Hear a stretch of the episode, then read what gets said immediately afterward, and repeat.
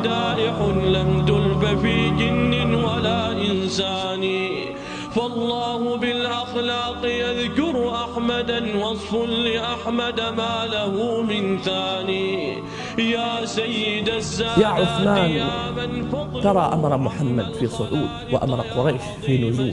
قال له ماذا تريد يا خالد قال دعنا نذهب وندخل فيما يدعو إليه هذا الرجل. قال والله إن هذا لفي ومن له جبل أحب بقدرة الرحمن يا من تكلم بالمديح قريبه وبفضله نطق البغيض الشان والله ما حسدوك إلا أنهم علموا أطامك سيدا الدرس الثاني. أيها الإخوة لم تتح لنا الفرصة للحديث أو الوقوف على أحداث تلك الحادثة العظيمة وهي حادثة هجرة النبي المصطفى والحبيب المجتبى محمد صلى الله عليه وسلم. ففي الأسبوع الذي كان فيه الدرس كانت هناك إجازة. وأكثر الناس لم يكونوا حاضرين ولنا وقفات على هذه الحادثة العظمى. أولا هذه الحادثة الأمر الأول الذي علمه الله تبارك وتعالى نبيه محمدا صلى الله عليه وسلم وعلمه أصحاب محمد صلى الله عليه وسلم وعلمه الناس في كل زمان أن العزيز من أعزه الله والذليل من أذله الله. الإنسان لو كانت عنده الدنيا بأكملها لو كانت عنده الدنيا بأكملها لو تظاهر له الناس جميعا أنه أنهم معه والله تبارك وتعالى يريد له الذلة فلن يستطيع أحد أن يعزه. وهذه مسألة لا تحتاج إلى تعليق في الحقيقة. في السنوات في السنة الماضية والتي قبلها. هناك أحداث كافية لا نحتاج إلى تعليق. هناك بعض الزعماء الذين كانوا لا يظنون في يوم من الأيام لا يظنون في يوم من الأيام ولم يخطر ببالهم أنه يكون عليهم ما كان عليهم كانت الملايين تهتف بأسمائهم. ويتظاهرون أنهم معهم إلا أن الله تبارك وتعالى أراد لهم الذلة فلم يستطع أحد أن يعزهم. هذه الحادثة العظيمة يعلم الله تبارك وتعالى نبيه محمدا صلى الله عليه وسلم. ويعلم المؤمنين في كل زمان ومكان أن العزيز من يعزه الله والذليل من يذله الله. ولذلك قال الله تبارك وتعالى لنبيه محمد صلى الله عليه وسلم مذكرا له بنعمته. في وقت كان قد عظم الخطب فيه على النبي صلى الله عليه وسلم. إلا تنصروه فقد نصره الله. إلا تنصروه فقد نصره الله إذ أخرجه الذين كفروا ثاني اثنين إذ هما في الغار. إذ يقول لصاحبه لا تحزن إن الله معنا. فأنزل الله سكينته عليه وأيده بجنود. وأيده بجنود لم تروها وجعل كلمة الذين كفروا السفلى وكلمة الله هي العليا والله عزيز حكيم. هذه الآية تنزلت على النبي صلى الله عليه وسلم في غزوة تبوك. يعني هذه الآية تذكر النبي صلى الله عليه وسلم بمجريات تبوك. التي كانت في السنة التاسعة من هجرة النبي صلى الله عليه وسلم. خرج النبي صلى الله عليه وسلم من المدينة يجر جيشا عظيما قوامه ثلاثون ألفا أكبر جيش. قاده النبي صلى الله عليه وسلم. يمشي النبي صلى الله عليه وسلم كم خطوة؟ يجوا الصحابة يقولوا يا رسول الله رجع فلان. يعني خان فلان. في الطريق كانت خيانات. جماعة من الناس أخذوا يرجعون عن النبي صلى الله عليه وسلم من غير أن يستأذنوه. ويظنون أن النبي صلى الله عليه وسلم لن يعلم بأمرهم وأن ذلك يفت من عضد النبي صلى الله عليه وسلم وقوته وتأييد الله له. يا رسول الله رجع فلان. النبي صلى الله عليه وسلم كان عنده جواب واحد فقط. كان يقول لهم دعوه. إن كان فيه خير فسيأتي به الله. إذا كان فيه خير الله تعالى يجيب. خطوات يأتون يا رسول الله رجع فلان. دعوه. إن كان فيه خير فسيأتي به الله. وهكذا طول الطريق حتى جاءوا النبي صلى الله عليه وسلم بخبر عظيم. يتعلق بواحد من صحابة رسول الله صلى الله عليه وسلم العظام. يتعلق بواحد من السابقين إلى الإسلام وهو أبو ذر رضي الله عنه وأرضاه. قالوا يا رسول الله رجع أبو ذر. مسألة عظيمة. رجع أبو ذر. مسألة عظيمة. لكن النبي صلى الله عليه وسلم أجاب بنفس الجواب. وقال دعوه. إن كان فيه خير فسيأتي به الله. أبو ذر. وما أدراك ما أبو ذر. من السابقين الأولين إلى الإسلام.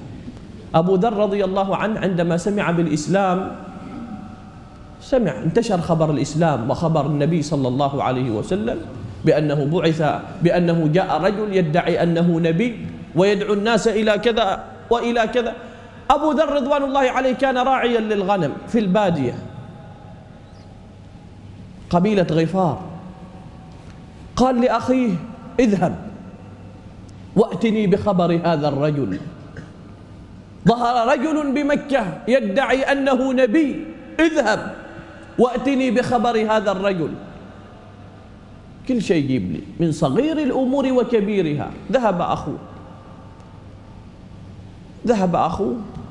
رأى النبي صلى الله عليه وسلم الأمر الذي كان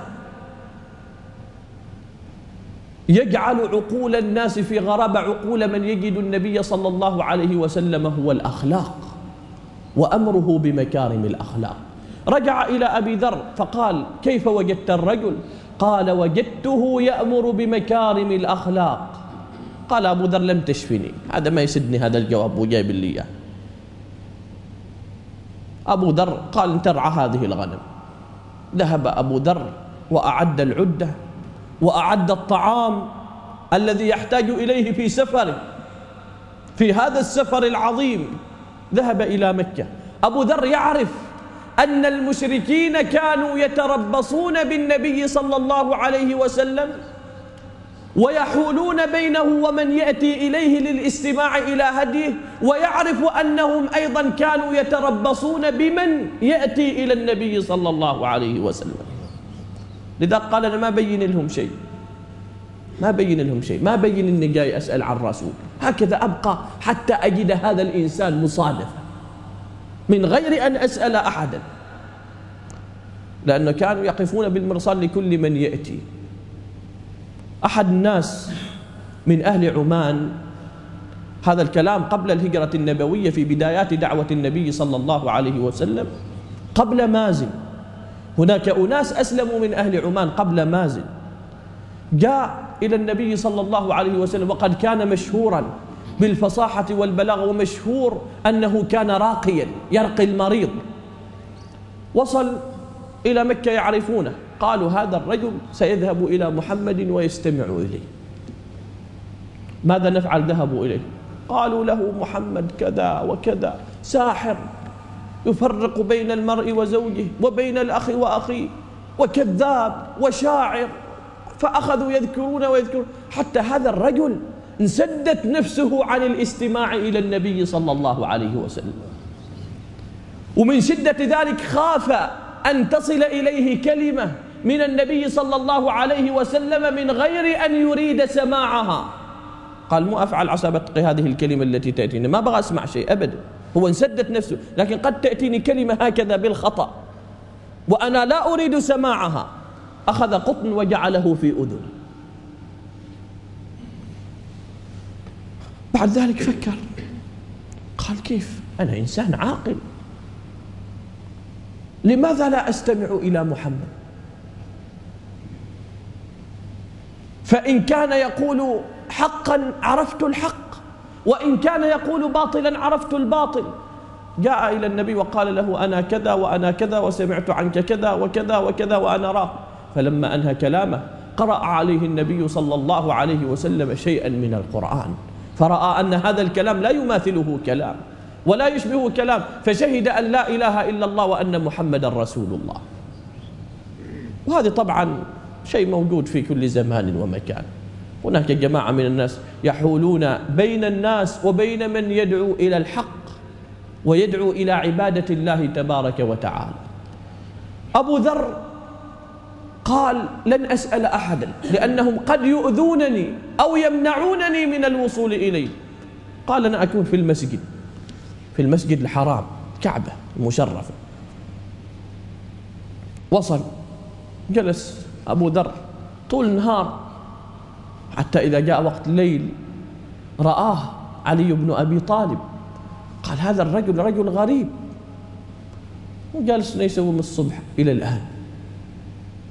عنده طعام وعنده ما يحتاج إليه من لبا ذهب إليه. فدعاه علي بن أبي طالب إلى بيته. دعاه. وأكل عند علي بن أبي طالب وبات ليلة. علي لم يسأله عن شيء لأن كان من عاداتهم في تلك الأرض أنهم لا يسألون الضيف إلا بعد ثلاثة أيام وهي أيام الضيافة. هذه عادات تختلف باختلاف البقاع والأماكن أعراف. ثم رجع في الصباح إلى المسجد وبقي إلى الليل رآه علي فأخذه الليلة الثانية. ليلة أيضا رجع في اليوم الثالث فرآه علي فأخذه إلى البيت في الليلة الثالثة. وبعد انقضاء هذه الأيام سأله ما الذي أتى بك؟ قال أخبرك لكن بشرط تدلني على من أريد. قال له أدلك على من تريد. قال أنا سمعت بظهور رجل يدعي أنه نبي أمره كذا وأمره كذا وأمره كذا أريدك أن تدلني عليه. فقال له علي بن أبي طالب إنه نبي حقا. قال أنا أسير معك. أحمل ماء وأنت تمشي خلفي. كأنه لا علاقة بيني وبينك. نسير. إذا رأيت حد وأحسست بخطر أتظاهر كأنني أريق ذلك الماء؟ وهكذا حتى أوصلك إليه. فسار به حتى أوصله إلى النبي صلى الله عليه وسلم فاستمع من النبي صلى الله عليه وسلم فشهد شهادة الحق. أشهد أن لا إله إلا الله وأن محمد رسول الله. قال له النبي صلى الله عليه وسلم لا تظهر ذلك فإن القوم سيؤذونك. قال لا. حتى يسمع الجميع. خرج أبو ذر عند البيت قال أشهد أن لا إله إلا الله وأن محمد رسول الله.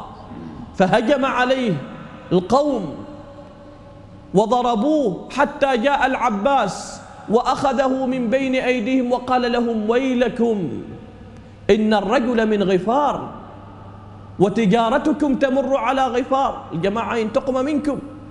يوم تصيروا التاجرة يقطعوا لكم هناك ويأخذون عنكم كل شيء. وفعل ثانية وفعلوا به مثل ما فعلوا في اليوم الأول ويخلصه العباس بن عبد المطلب. الخلاصة الرجل آمن وصدق وجاهد. يأتون إلى النبي صلى الله عليه وسلم بعد هذه السنوات من الجهاد ويقولون للنبي صلى الله عليه وسلم رجع أبو ذر؟ قالوا له يا رسول الله رجع أبو ذر. قال دعوه إن كان فيه خير فسيأتي به الله.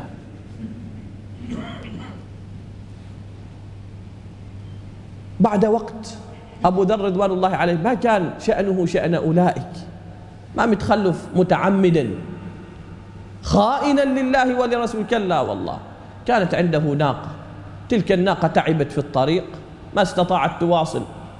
عدم استطاعتها المواصلة جعله يتأخر عن الناس فابتعد عنهم. يوم شاف كذاك تلك الناقة تركها في الصحراء وأخذ أغراضه وسار على رجليه. تركها. فرأوا من بعيد رجلا لكنهم لا يعرفون شخصه يعني شيء يشبه الظل يسير في الصحراء. قالوا يا رسول الله أقبل علينا رجل. فقال النبي صلى الله عليه وسلم كن أبا ذر. رجى أن يكون هذا الرجل أبا ذر. فكان أبو ذر. فقال النبي صلى الله عليه وسلم رحم الله أبا ذر. يمشي وحده ويموت وحده ويبعث وحده. فالله تبارك وتعالى في هذا الوقت الذي كان يرجع فيه كثير من الناس عن النبي صلى الله عليه وسلم يقول الله تعالى خطابا للمؤمنين إلا تنصروه فقد نصره الله. إذ أخرجه الذين كفروا ثاني اثنين. إذ هما في الغار. إذ يقول لصاحبه لا تحزن إن الله معنا. فأنزل الله سكينته عليه وأيده بجنود لم تروها وجعل كلمة الذين كفروا السفلى وكلمة الله هي العليا. والله عزيز حكيم. هذه الحادثة الهجرة هذا أكبر أمر علمه الله نبيه والمؤمنين من هذه الحادثة العظيمة. العزيز من أعزه الله والذليل من أذله الله ولو كان معه من كان. ولذلك النبي صلى الله عليه وسلم عندما كان يعلم عبد الله بن عباس تلك الكلمات قال له واعلم لو أن الأمة قد اجتمعت على أن ينفعوك بشيء لم ينفعوك إلا بشيء قد كتبه الله لك. ولو اجتمعوا على أن يضروك لم يضروك إلا بشيء قد كتبه الله لك. ما أحد يملك لأحد من المخلوقين لا نفعا ولا ضرا إلا بإذن الله. وهذه عقيدة يجب أن تكون موجودة في قلب كل مسلم. اشتد الإيذاء على النبي صلى الله عليه وسلم وعلى المؤمنين. فتنزلت الآيات تأذن للنبي صلى الله عليه وسلم وللمؤمنين بالدفاع عن أنفسهم ومقاتلة من يقاتلهم. أذن للذين أذن للذين نعم. أذن للذين يقاتلون بأنهم ظلموا وأن الله على نصرهم لقدير الذين أخرجوا من ديارهم بغير حق إلا أن يقولوا ربنا الله. لكن أين هذا القتال؟ أصل المسلمين مشتتين كل حد في مكان. النبي صلى الله عليه وسلم بقيت عنده جماعة يسيرة.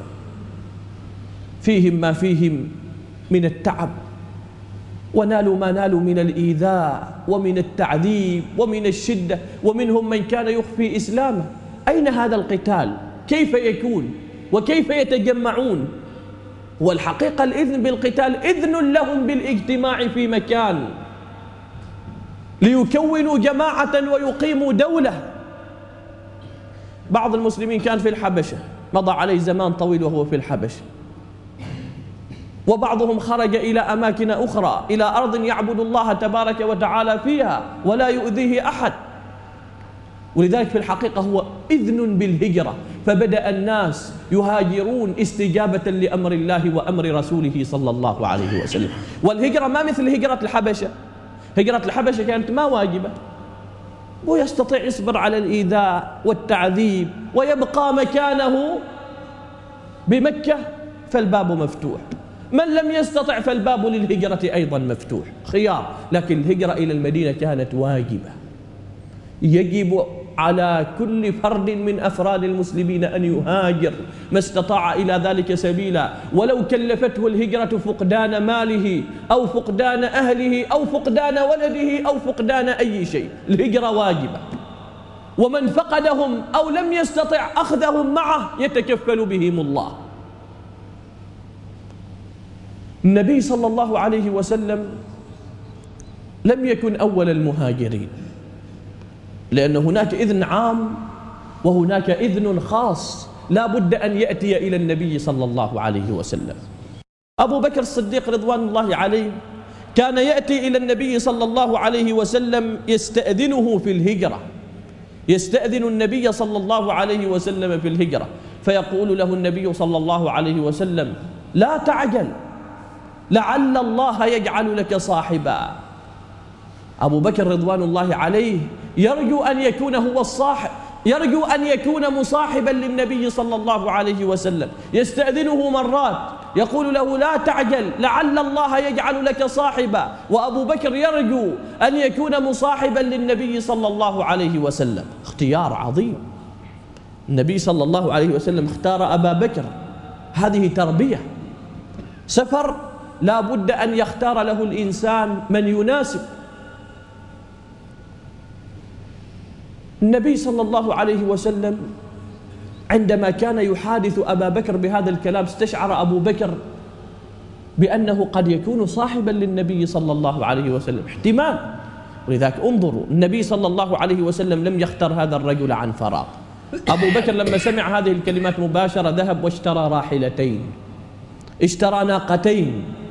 واحدة للنبي صلى الله عليه وسلم وواحدة لأبي بكر الصديق رضوان الله عليه واحدة له. وأعد العدة وأعد المال أخذ معه ستة آلاف درهم أعدها. إن وقع إن وقعت له هجرة مع النبي صلى الله عليه وسلم. في الحقيقة تلك جميع أمواله التي كانت قد بقيت عنده. النبي صلى الله عليه وسلم كان يدخل على أبي بكر في بيته كل يوم. كل يوم يدخل بيت أبي بكر الصديق رضوان الله عنه تخصيص وشرف عظيم لأبي بكر. لكن هناك وقت كان قد اعتاد النبي صلى الله عليه وسلم أن يأتي فيه أبا بكر. ولذلك أبو بكر في ذاك الوقت ما يصير مكان لأن ذاك الوقت يأتي فيه النبي صلى الله عليه وسلم عام. في يوم من الأيام وقع خلاف هذه العادة جاء النبي صلى الله عليه وسلم إلى أبي بكر الصديق في وقت ما كان قد تعود النبي صلى الله عليه وسلم أن يأتي فيه إلى أبي بكر الصديق. فرآه أهل أبي بكر الصديق قالوا إنه رسول الله. قال بأبي هو وأمي. ما كان قد تعود أن يأتينا في هذا الوقت. والله إن عنده أمرا عظيما. ما يأتي لي في هذا الوقت إلا لأمر عظيم. فدخل النبي صلى الله عليه وسلم على أبي بكر الصديق وأشار إلى النبي صلى الله عليه وسلم أنه يريد أن يكلمه سرا. من كان في البيت مع أبي بكر؟ سيدة عائشة رضوان الله عليها وأمها وأسماء. سيدة عائشة كان النبي صلى الله عليه وسلم قد عقد عليها فهي زوجة النبي صلى الله عليه وسلم. وأسماء قال يا رسول الله إنما هم أهلك وأمها وأختها ما حد موجود في البيت غريب. هؤلاء أهلك. عند ذلك تكلم النبي صلى الله عليه وسلم وقال له إن الله قد أذن لي بالهجرة. فقال أبو بكر مباشرة قبل أن ينطق النبي صلى الله عليه وسلم بأي شيء. الصحبة الصحبة يا رسول الله أسألك الصحبة. وهذه فرص ينبغي للإنسان أن يسارع إليها خوف أن تفوت. الصحبة الصحبة يا رسول الله. فقال له النبي صلى الله عليه وسلم الصحبة. ففرح أبو بكر حتى بكى من شدة الفرح.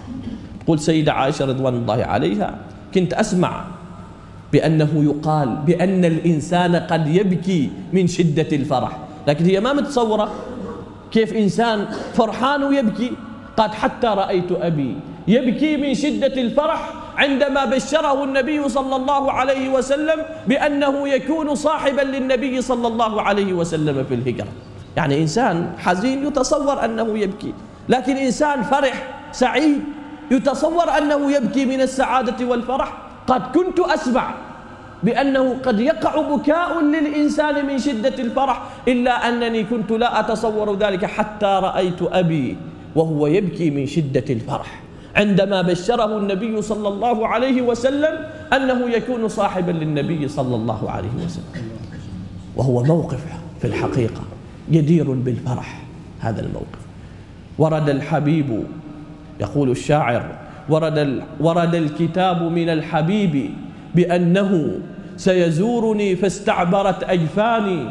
غلب السرور علي حتى أنه من فرط ما قد سرني أبكاني. يا عين صار الدمع عندك عادة تبكين من فرح ومن أحزان لكن لم يكن ذلك الوقت هو الذي يخرج فيه النبي صلى الله عليه وسلم. واتفق مع أبي بكر على وقت معين. الجماعة المشركون كانوا يعرفون أن النبي صلى الله عليه وسلم سيخرج لأن أصحابه رضوان الله عليهم كانوا يخرجون. الواحدة تلو الآخر قالوا لا بد أن يخرج في يوم من الأيام. ماذا نصنع حتى نصده عن الخروج؟ لا بد أن نفعل شيئا لأن خرج هل تأمنون أن يأتيكم في يوم من الأيام ويبيد خضراءكم؟ يقضى على الأخضر واليابس؟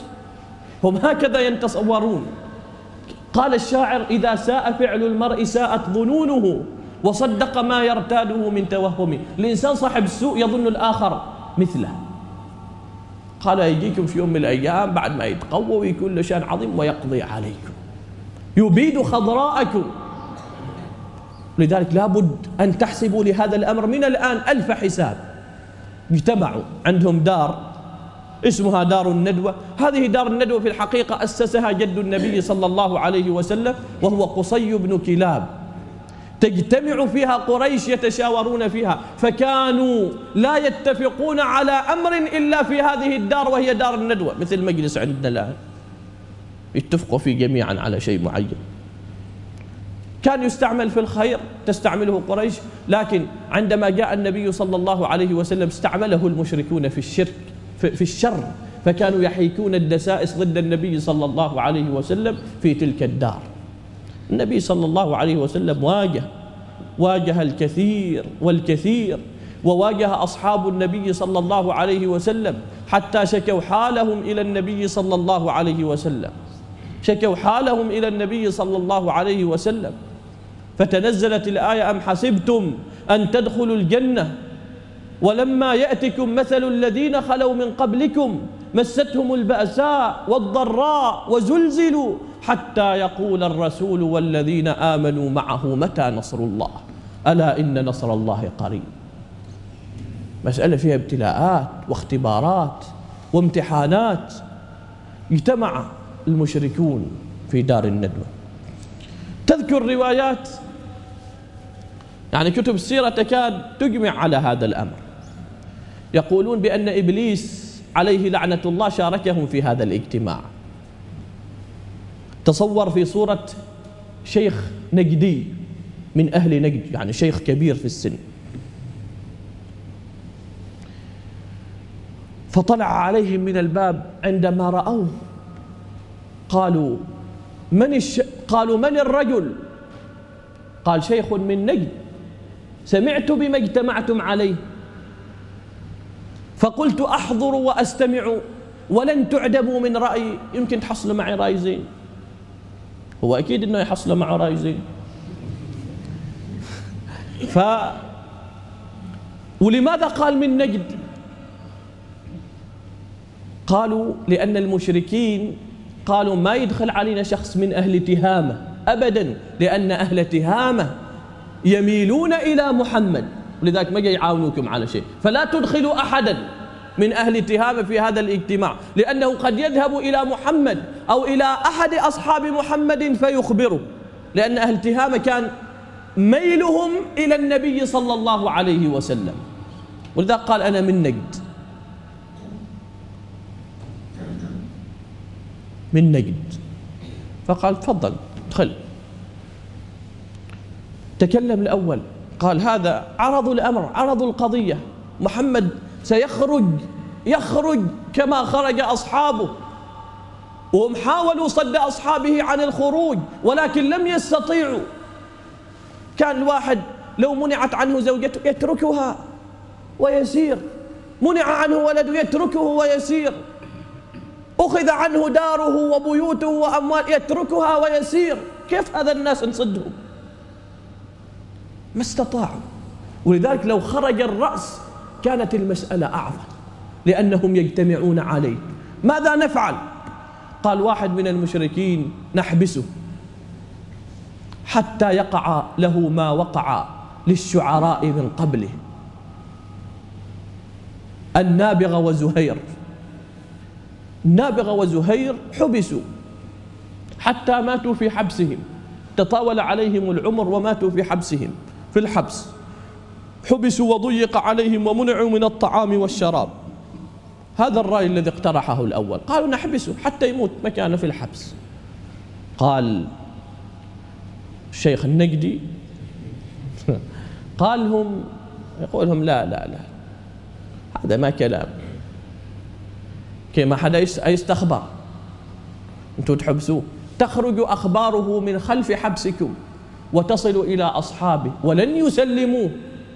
وسيكاثرونكم ويغلبونكم عند جماعة كثيرة حوله. طبعا من المؤمنين ومن ممن يتعصبون للنبي صلى الله عليه وسلم من حيث القبيلة وهم بنو هاشم. لن يتركوكم. هذا الرأي ما ينفع. قال واحد آخر من المشركين قال نطرده. نخليه يصير مع ما يصير. وإحنا نستريح منه. عندنا ما نسأل هين يصير.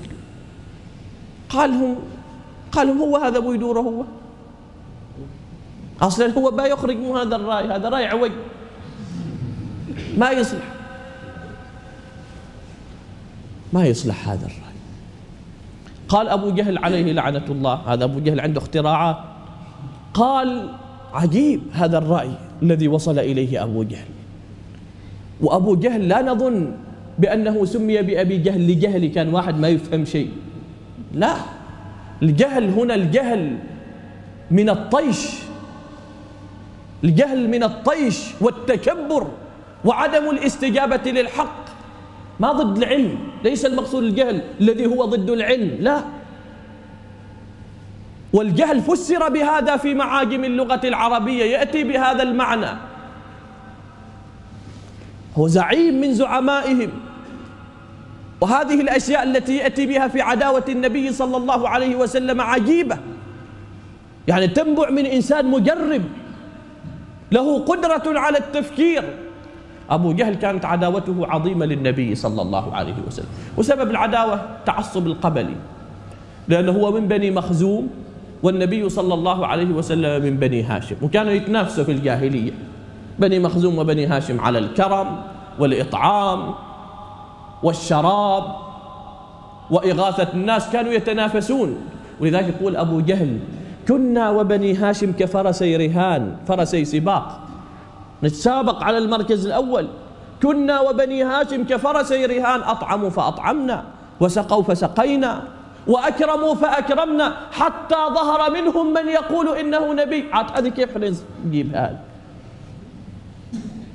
حتى ظهر منهم من يقول إنه نبي. فمتى عسانا أن نبلغ هذا الشرف؟ هو عارف أنه شرف هذا وحق.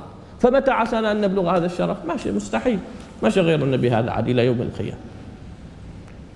ماذا قال بعد هذا الاعتراف كله؟ قال والله لا أؤمن به والله لا أؤمن به والله لا أؤمن به قد نعلم إنه لا يحزنك الذي يقولون فإنهم لا يكذبونك ولكن الظالمين بآيات الله يجحدون. قال أبو جهل نأخذ شابا جلدا قوي من كل بطن من البطون القرشية بطون قريش بطون متعددة أفخاذ. هذه القبيلة تفخذت إلى أفخاذ. شاب قوي جلد ونعطيه سيفا صارما. فيضربون محمدا ضربة رجل واحد ويستريح منه الناس. لماذا؟ قال ما دام من كل قبيلة واحد قريش ما تستطيع. بنو هاشم لن يستطيعوا أن يحاربوا جميع هذه القبائل. ما يقدروا. قبيلة واحدة نعم. لو قتله شخص من قبيلة واحد نعم هم يستطيعون محاربة قبيلة واحدة ولكن لا يستطيعون محاربة مجموعة قبائل. ولذلك مو الحيلة بعدين يرضيوا بالدية ونعطيهم دية وتخلصنا منه واسترحنا قال إبليس عليه لعنة الله هذا هو الرأي. هذا هو الرأي. أخذوا ينفذون الرأي وكان المشرف على العملية. رئيس الأركان أبو جهل وحده. هو المشرف على العملية فأخذوا من كل قبيلة شابا قويا وسلموه سيفا. وتربصوا بالنبي صلى الله عليه وسلم وحصروه في الليلة التي يريد أن يهاجر فيها صلى الله عليه وسلم. وأبو جهل عليه لعنة الله كان مشرفا على هذه العملية كما قدم. النبي صلى الله عليه وسلم رآهم وكان عنده علي بن أبي طالب فأمره أن ينام في فراشه. أمر عليا أن ينام في فراشه وقال لن يصيبك سوء بإذن الله. لن يصيبك سوء. أخبر النبي صلى الله عليه وسلم بأنه لن يصيبه سوء. لكن السؤال ما الذي منع المشركين من اقتحام بيت النبي صلى الله عليه وسلم؟ لماذا لم يقتحموا بيت النبي صلى الله عليه وسلم؟ قالوا أرادوا اقتحام بيت النبي صلى الله عليه وسلم إلا أنهم سمعوا امرأة وهي تصرخ عند إرادتهم اقتحام بيت النبي صلى الله عليه وسلم فتركوا الاقتحام. قال فضيحة علينا نقتحم بيت في في نساء وهن يصرخن. هذه سبة تبقى لنا طول الدهر. تعيرنا بها العرب. عار علينا أن نقتحم بيتا فيه نساء. ولذلك كان هذا الأمر من تأييد الله تبارك وتعالى فلم يقتحم. النبي صلى الله عليه وسلم عندما أراد المسير سار وذكر أهل السير بأن النبي صلى الله عليه وسلم أخذ ترابا فأخذ يقرأ وهو يسير. بدايات صدر سورة ياسين بسم الله الرحمن الرحيم ياسين والقرآن الحكيم إنك لمن المرسلين على صراط مستقيم. تنزيل العزيز الرحيم لتنذر قوما ما أنذر آباؤهم فهم غافلون. لقد حق القول على أكثرهم فهم لا يؤمنون. إنا جعلنا في أعناقهم أغلالا. فهي إلى الأذقان فهم مقمحون. وجعلنا من بين أيديهم سدا ومن خلفهم سدا فأغشيناهم فهم لا يبصرون. فذر عليهم النبي صلى الله عليه وسلم ذلك التراب. كل واحد أصابه من ذلك التراب. الذي دره النبي صلى الله عليه وسلم فضرب الله تبارك وتعالى عليهم النوم فناموا أصابتهم سنة من النوم عندما سار النبي صلى الله عليه وسلم فمضى ولم ينتبهوا للنبي صلى الله عليه وسلم وهو يسير. وأبو بكر ينتظر خرج أبو بكر وخرج معه النبي صلى الله عليه وسلم فتوجهوا إلى غور ثور. أو إلى غار ثور وهو غير غار حراء. غار حراء هو الغار الذي كان يتعبد فيه النبي صلى الله عليه وسلم وكان مهيأ. غار ثور لما وصلوا إلى غار ثور أبو بكر لم يسمح للنبي صلى الله عليه وسلم أن يدخل أولا. دخل أبو بكر. هذا الغار ما حد دخله من زمان ما حد يحيدموا فيه. قد يكون فيه أفاعي قد يكون فيه شيء من, من الأشياء. التي يخافها الإنسان على نفسه فضحى أبو بكر بنفسه حفاظا على نفس النبي صلى الله عليه وسلم. جهاد بالنفس. قال أنا إذا مت مات شخص أبو بكر شخص. ولكن إذا مات النبي صلى الله عليه وسلم فقد ماتت أمة. دخل أبو بكر وبعد أن اطمأن إلى الغار دخل النبي صلى الله عليه وسلم. غار. تعرفون الغار. أبو بكر بقي فيه شيء من الخوف من جحر. يشبه جحر الأفعى كان موجودا داخل الغار. هذا داخل شيء ولا ما في شيء في داخله ولذلك ماذا يصنع أبو بكر؟ أبو بكر جعل رجله جعل رجله على فم الغار. قال إذا خرج شيء يصيبني. لا يصيب رسول الله صلى الله عليه وسلم. دخل النبي صلى الله عليه وسلم وبعد الدخول. قيل بأن النبي صلى الله عليه وسلم نام. ما كأنه شيء مستوي أبدا. نام النبي صلى الله عليه وسلم. وأبو بكر في داخله من الخوف ما في نفسه ما فيها من الخوف. يخاف أن تعرف قريش أمرهم. ويعرف أنهم في هذا المكان. أبو بكر وهو على تلك الحال خرجت أفعى من ذلك الجحر فلدغت أبا بكر في رجله. من هنا هو خائف على النبي صلى الله عليه وسلم ومن هنا الألم كان يشتد عليه اشتدادا عظيما لدغته أفعى. فبكى خوفا على النبي صلى الله عليه وسلم فسقطت دمعته على وجه النبي صلى الله عليه وسلم. فشعر به النبي صلى الله عليه وسلم وقام. فذكر له أنه لدغ. فدعا له النبي صلى الله عليه وسلم. وذكر خوفه على النبي صلى الله عليه وسلم. فقال له لا تحزن. إن الله معنا. ما ظنك باثنين؟ الله ثالثهما. علمت قريش بخروج النبي صلى الله عليه وسلم. انتظروا وانتظروا. دخلوا البيت. لما دخلوا البيت خرج إليهم علي بن أبي طالب. أين محمد؟ قال لا أعرف. لا تعرف. شدوا عليه القول قال لا أعرف. ولو تبقوا لي من تو إلى الليل لا أعرف. لا أعرف أين ذهب. مباشر أبو جهل بعد اشتداد الغضب عليه يتوجه إلى بيت أبي بكر الصديق. أبو بكر الصديق 35 ولا 39 ها؟ أبو بكر الصديق هو الذي يعرف أين هو. ذهب أبو جهل إلى أبي بكر الصديق إلى بيت أبي بكر الصديق فقرع الباب. خرجت إليه أسماء. أين أبوك؟ قالت لا أعرف. أين أبوك؟ قالت لا أعرف. حاول فيها. فلقمها الخبيث على وجهها حتى سقطت في الأرض. ضربها على وجهها ضرب أسماء حتى سقطت على الأرض. أبو بكر الصديق رضوان الله عليه أبوه أبو قحافة أبو قحافة كنية اسمه عامر اسمه عثمان بن عامر. أبو بكر بن أبي قحافة أبو قحافة أبو اسمه عثمان بن عامر. لما علم بأن ولده خرج معروف مع من خرج كان مشركا الرجل. كان أبوه مشركا أبو أسلم في الفتح فتح مكة. يعني بعد ثمان سنوات من حادثة الهجرة النبوية أسلم والد أبي بكر الصديق. لما علم بأن ولده قد ذهب أخذ يتكلم ويرفع صوته وهو ضرير أعمى لا يبصر. يتكلم أين ذهب؟ ترك هؤلاء لي. خلي لي أولاده أنا ما أقدر أشتغل ما أقدر أسوي شيء. هذا الناس من هنا أكلهم من هنا أشربهم مو أسويهم ما ويتكلم كلام يعني يسمع من بعيد. طيب هذا هذا قد يؤدي بهم إلى معرفة مكان النبي صلى الله عليه وسلم. ويقول بأن أهل هذا البيت يعرفون مكان النبي صلى الله عليه وسلم. ماذا نصنع؟ أسماء بنت أبي بكر تعرف بأن أبا بكر أخذ جميع الأموال.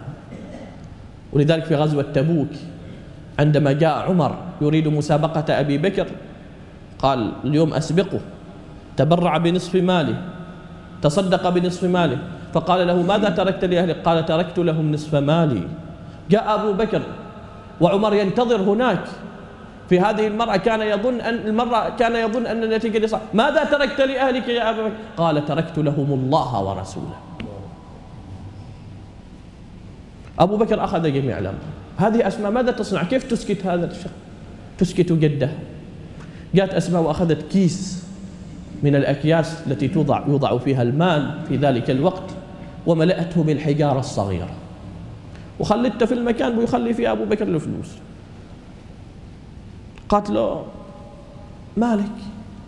قال سار ما مخلي شيء وأنا ما أقدر أشتغل. قالت له لا مخلي. تعال وقاودته وتشله هناك وخلته يلمس هذيك السرة. قال ما علي عقب يصير مع انتهى وسكت. النبي صلى الله عليه وسلم خرج يوم الاثنين الاثنين والثلاثاء والأربعاء إلى الخميس ثلاثة أيام في الغار وخرج يوم الخميس من الغار وتوجه إلى المدينة. خرج من مكة يوم الاثنين الاثنين والثلاثاء والأربعاء ثلاثة أيام تامة لأنه الاثنين في الحقيقة هو خرج ليلة الاثنين. يعني الأحد مثل الغد الأحد خارج في وقت الليل. يعني هذه هذه الليلة التي نحن فيها هي ليلة الأحد. هو خرج ليلة الاثنين. لذلك الاثنين كاملة والثلاثاء والأربعاء كاملة ويوم الخميس تحرك النبي صلى الله عليه وسلم إلى المدينة المنورة. كانت هناك أعمال عظيمة محاولات من قبل قريش للبحث عن النبي صلى الله عليه وسلم. قريش اجتمعت اجتماعا طارئا. وقرروا في ذلك الاجتماع بأنه من يأتي بمحمد حيا أو ميتا فله مئة ناقة. شباب المشركون نشطوا مئة ناقة. الواحد قلبه من الفقر إلى الغنى مئة ناقة. فين مئة ناقة؟ من عنده مئة ناقة في ذلك الوقت. الأسياد معهم مثل هذا العدد. ولذلك الشباب نشطوا في البحث عن النبي صلى الله عليه وسلم. وعزموا يعني أحلام جاتهم أحلام عجيبة وغريبة. أحلام اليقظة ينقلب الإنسان من حال الفقر إلى حال الغنى. ولذلك نشطوا نشاطا عجيبا في البحث عن النبي صلى الله عليه وسلم. أهل أبي بكر الصديق رضوان الله عليه كانوا يقومون بأدوار عظيمة. في الخير. والمشركون كانوا يقومون بأدوار عظيمة في الشر ووقعت العجائب والغرائب من تأييد الله تبارك وتعالى لعبده ونبيه محمد صلى الله عليه وسلم. وكذلك ننجي المؤمنين. والذين جاهدوا فينا لنهدينهم سبلنا وإن الله لمع المحسنين. أيا قاصدا أرض النبي محمد يجوب إليها فدفدا بعد فدفد.